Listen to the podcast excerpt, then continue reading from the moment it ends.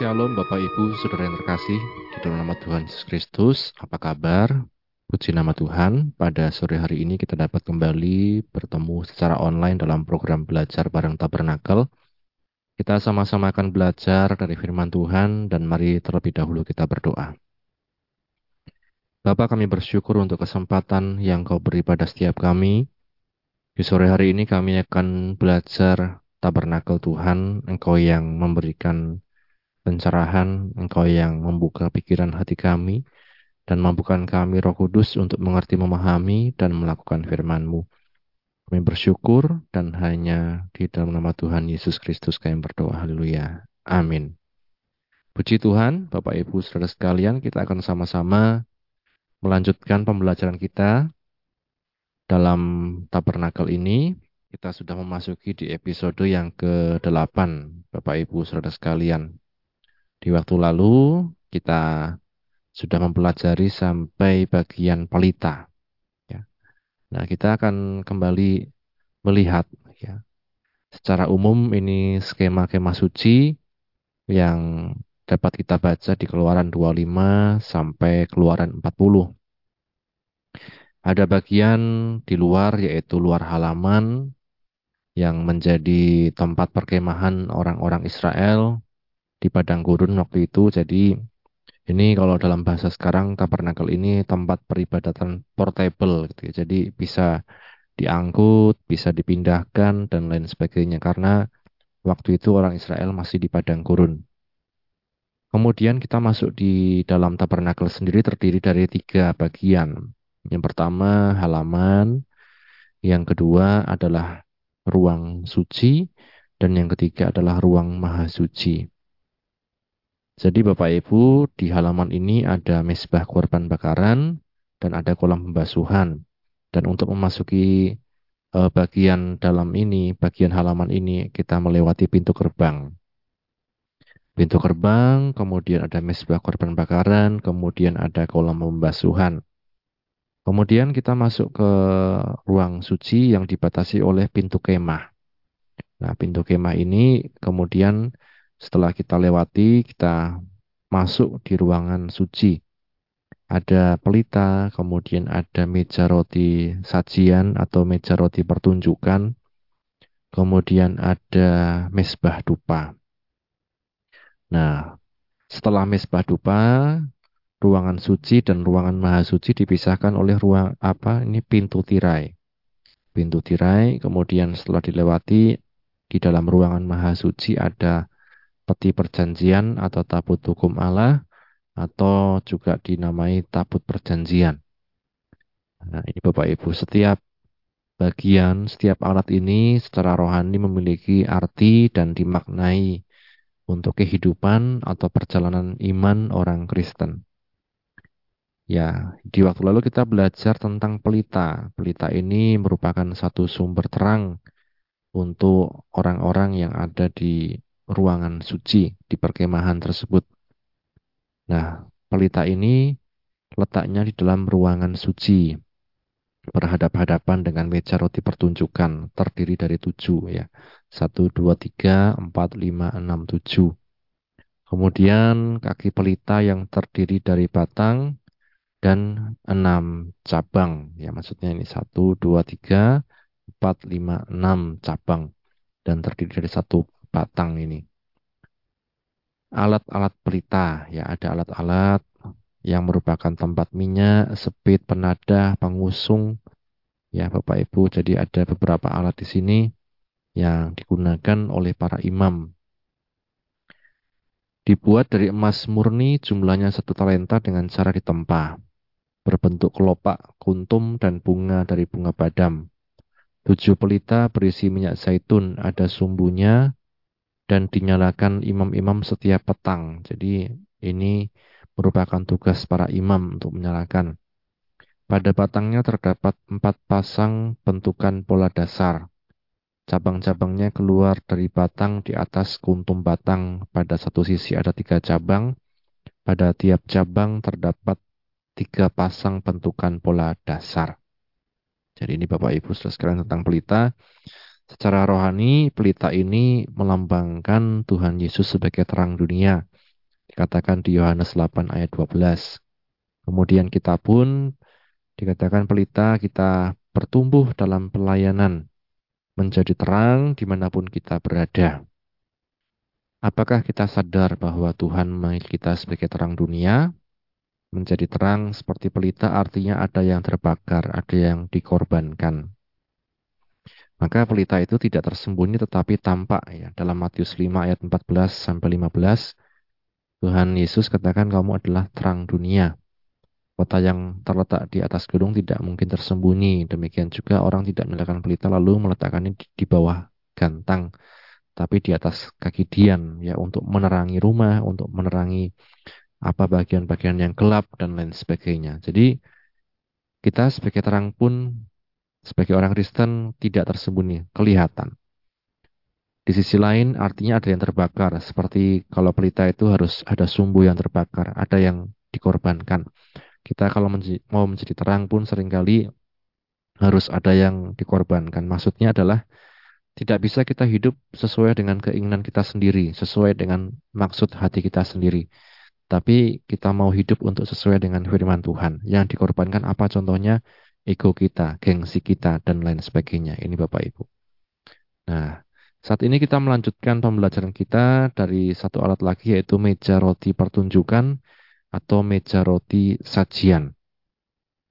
Kita melihat ini merupakan gambaran alatnya ada roti masing-masing 6 ya. 1 2 3 4 5 6 1 2 3 4 5 6 ada yang mengartikan ini 6 6 ini jumlah Alkitab ya. Dan berbagai macam orang mengartikan ya. Jadi Bapak Ibu sekalian selama itu positif dan membangun tentu itu tidak salah bisa kita artikan. Nah, kalau kita lihat kita masing-masing akan baca dalam Keluaran 25 ayat 33 sampai 30. Keluaran pasal 25 ayat 33 sampai 30. Mari sama-sama kita baca. Keluaran 25 mulai ayat 23.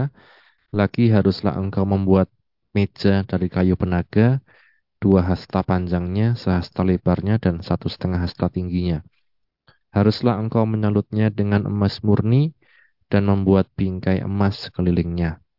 Haruslah engkau membuat sekelilingnya jalur pinggir yang setapak tangan lebarnya, dan kau buatlah bingkai emas sekeliling jalur pinggirnya itu. Haruslah engkau membuat untuk meja itu empat gelang emas, dan kau pasanglah gelang-gelang itu di keempat penjurunya pada keempat kakinya. Gelang itu haruslah dekat ke jalur pinggirnya, sebagai tempat memasukkan kayu pengusung, supaya mesbah meja itu dapat diangkut. Haruslah engkau membuat kayu pengusung itu dari kayu penaga dan menyalutnya dengan emas, dan dengan itulah meja harus diangkut. Haruslah engkau membuat pinggangnya, cawannya, kendinya, dan pialanya yang dipakai untuk persembahan curahan. Haruslah engkau membuat semuanya itu dari emas murni. Dan haruslah engkau tetap meletakkan roti sajian di atas meja itu di hadapanku.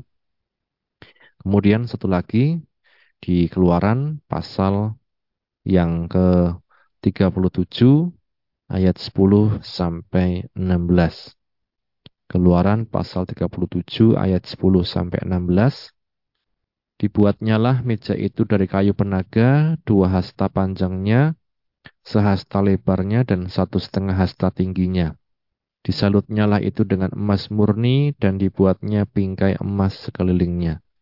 Dibuatnyalah sekelilingnya jalur pinggir yang setapak tangan lebarnya, dan dibuatnya bingkai emas sekeliling jalur pinggirnya itu. Dituangnyalah untuk meja itu empat gelang emas dan dipasangnyalah gelang-gelang itu di keempat penjurunya pada keempat kakinya. Dekat ke jalur pinggirnya lah gelang itu yakni tempat memasukkan kayu pengusung supaya meja itu dapat diangkut. Dibuatnyalah kayu pengusung itu dari kayu penaga dan disalutnya dengan emas yaitu supaya meja itu dapat diangkut. Dan dibuatnyalah perkakas yang di atas meja itu yakni pinggannya, cawannya, piala, dan kendinya yang dipakai untuk persembahan curahan, semuanya dari emas murni. Amin. Bapak Ibu saudara sekalian, Berbahagia setiap kita yang baca, mendengar, dan juga yang melakukan firman Tuhan.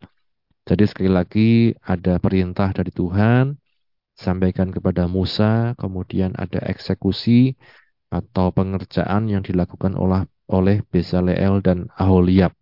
Orang-orang yang dipakai Tuhan untuk mengkoordinir para tukang waktu itu ya.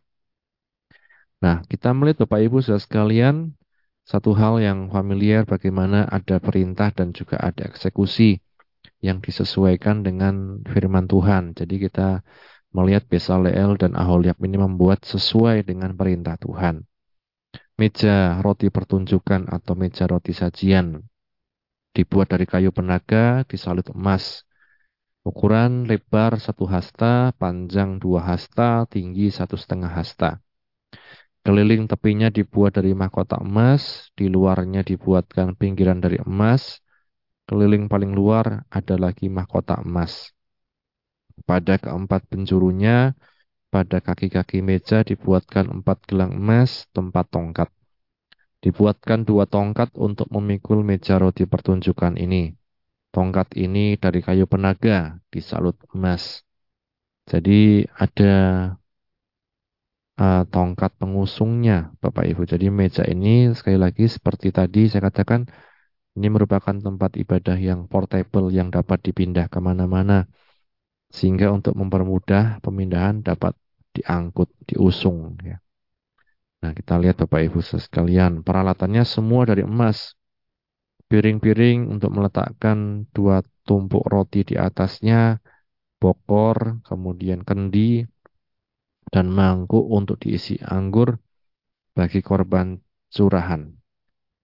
Roti ada dua roti pertunjukan, masing-masing enam roti diletakkan di atas piring dari emas. Masing-masing roti dari tepung halus dua per 10 eva. Di atas roti terdapat pokor di mana di dalamnya dibubuhkan dan dibakar dupa. Roti diganti baru setiap hari sabat.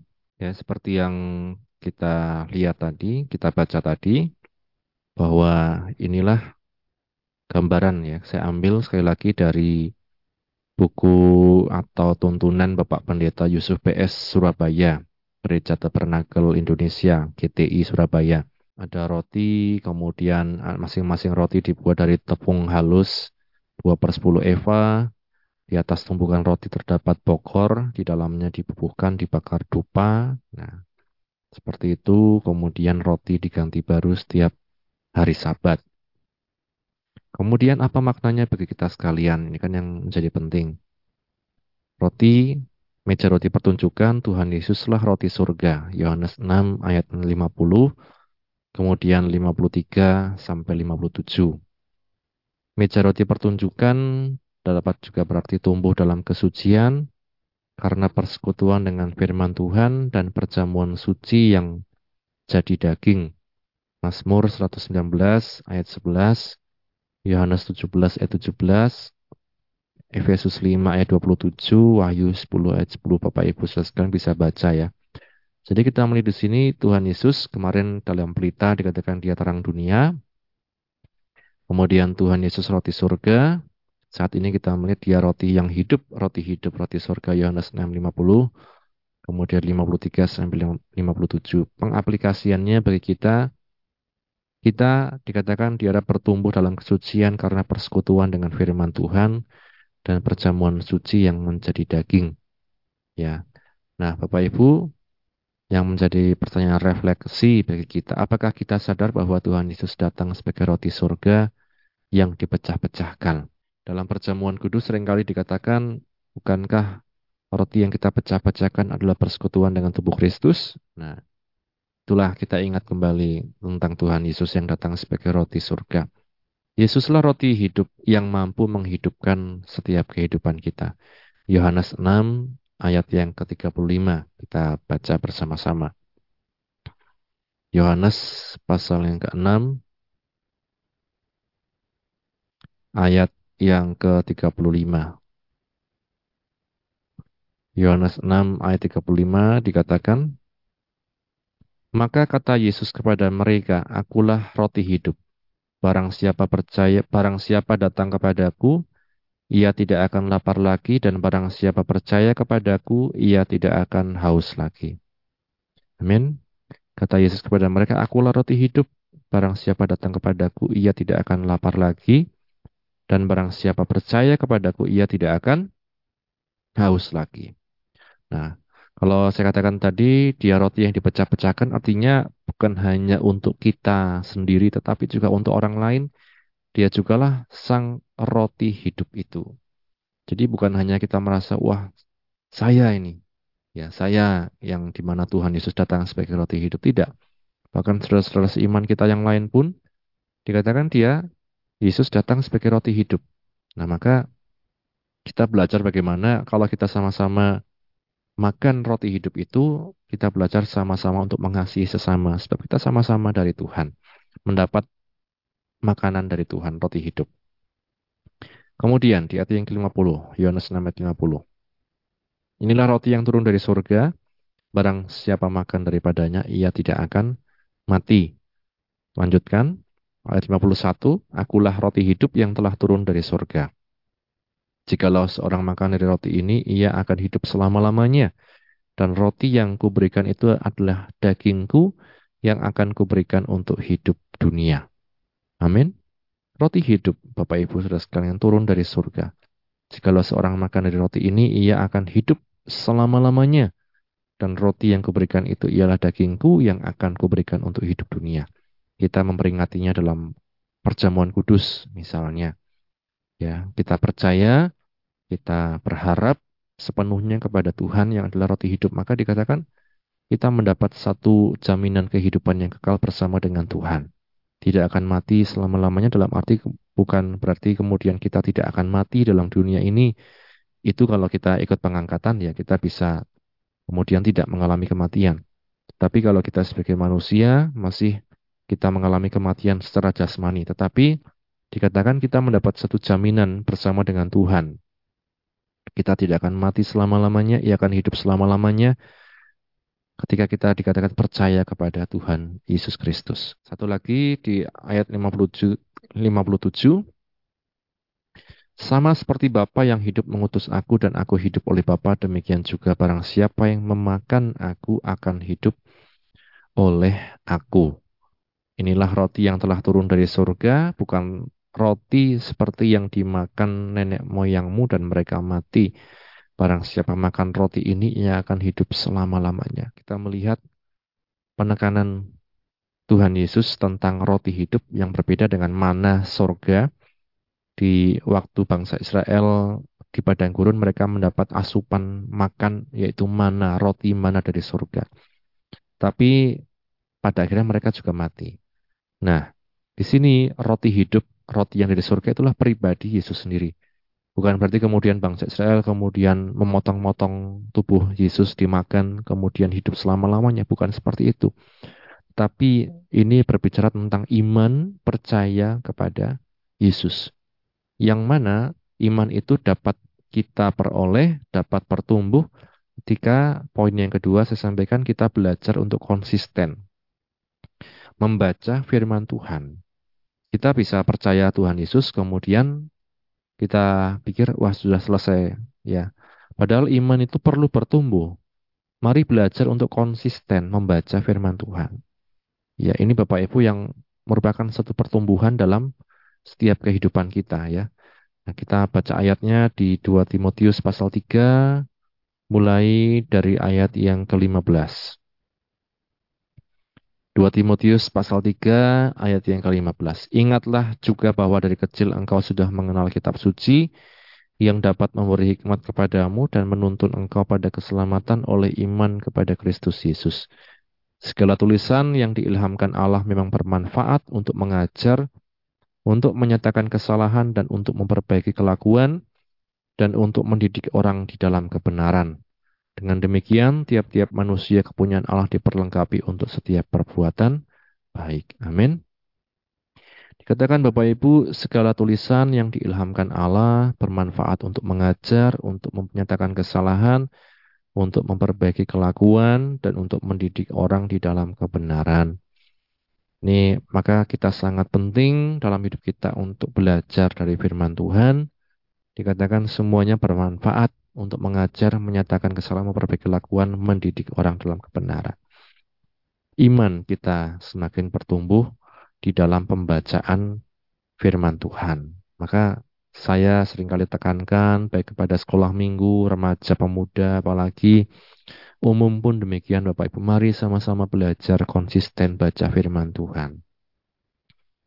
Kenapa orang bisa dari kecil sampai tua ya masih tidak berubah, masih mungkin aras-arasan, masih mungkin ayang-ayangan ya. Mungkin ya suka melakukan yang tidak baik dan lain sebagainya. Salah satunya mungkin penyebabnya adalah karena pembacaan firman Tuhan tidak penting dalam hidupnya. Tetapi kenapa orang bisa dengan cepat bertumbuh, ya anak muda, remaja bisa cepat bertumbuh misalnya semakin dewasa dalam Tuhan. Salah satunya karena apa? Pembacaan firman Tuhan. Cara dia memilih, cara dia menentukan pasangan hidup, cara dia memilih pasangan hidup, cara dia menentukan bagaimana uh, step-step uh, masa depannya dan lain sebagainya sering kali ditentukan pembacaan firman Tuhan, apakah sungguh-sungguh atau tidak. Nah, karenanya saya mengundang kita sekalian untuk membaca firman Tuhan dengan konsisten. Sebab inilah aplikasi termudah atau aplikasi yang paling bisa kita lakukan ketika kita berbicara tentang firman hidup. Bukan hanya kita awang-awangan, ya, tetapi firman Tuhan, Alkitab yang ada pada kita, bacalah dengan konsisten. Ini Bapak Ibu sekalian. Karenanya, meja roti sajian, meja roti pertunjukan, tidak kebetulan juga berjumlah 6 dan 6, ya salah satunya 66 jumlah firman Tuhan, jumlah Alkitab yang kita baca, yang kita pegang sekarang sebagai orang Kristen ya berbeda dengan mungkin yang lain. Nah, karenanya Bapak Ibu mari sama-sama kita hargai korban Kristus, karya Kristus, kita mengenal Tuhan Yesus Kristus sebagai sang roti hidup dan sama-sama kita juga menghargai firman Tuhan dengan konsisten membacanya. Amin. Kiranya menjadi berkat untuk kita sekalian dan sama-sama kita berdoa. Bapak kami bersyukur untuk firman-Mu yang telah kami baca, kami renung, kami dengarkan. Tolong kami untuk terus Tuhan bertumbuh dalam iman kami kepadamu. Dengan cara membaca firman Tuhan setiap hari, membaca firman Tuhan dengan konsisten dan mendapat rema, mendapat penguatan, mendapat teguran, mendapat perbaikan dari firman-Mu. Roh Kudus, Engkau yang menumbuhkan hasrat untuk kami berapi-api dalam Tuhan, menghargai, membaca firman-Mu, dan tolong kami Roh Kudus untuk kami dapat melakukan firman-Mu dalam kehidupan kami. Engkaulah sang roti hidup yang menjadi jaminan kehidupan yang kekal, yang bahkan mampu menumbuhkan setiap rohani yang lesu, membangkitkan semangat yang pudar, dan membangkitkan setiap kami Tuhan yang mulai males-malesan Tuhan. Berkatilah setiap anak-anakmu yang sudah belajar dari firman-Mu, dan Engkau yang mampukan kami untuk terus bertumbuh dalam kebenaran firman-Mu. Dan bersyukur ini doa kami di nama Tuhan Yesus kami berdoa haleluya. Amin. Puji Tuhan, Bapak Ibu sekalian Tuhan Yesus memberkati. Amin.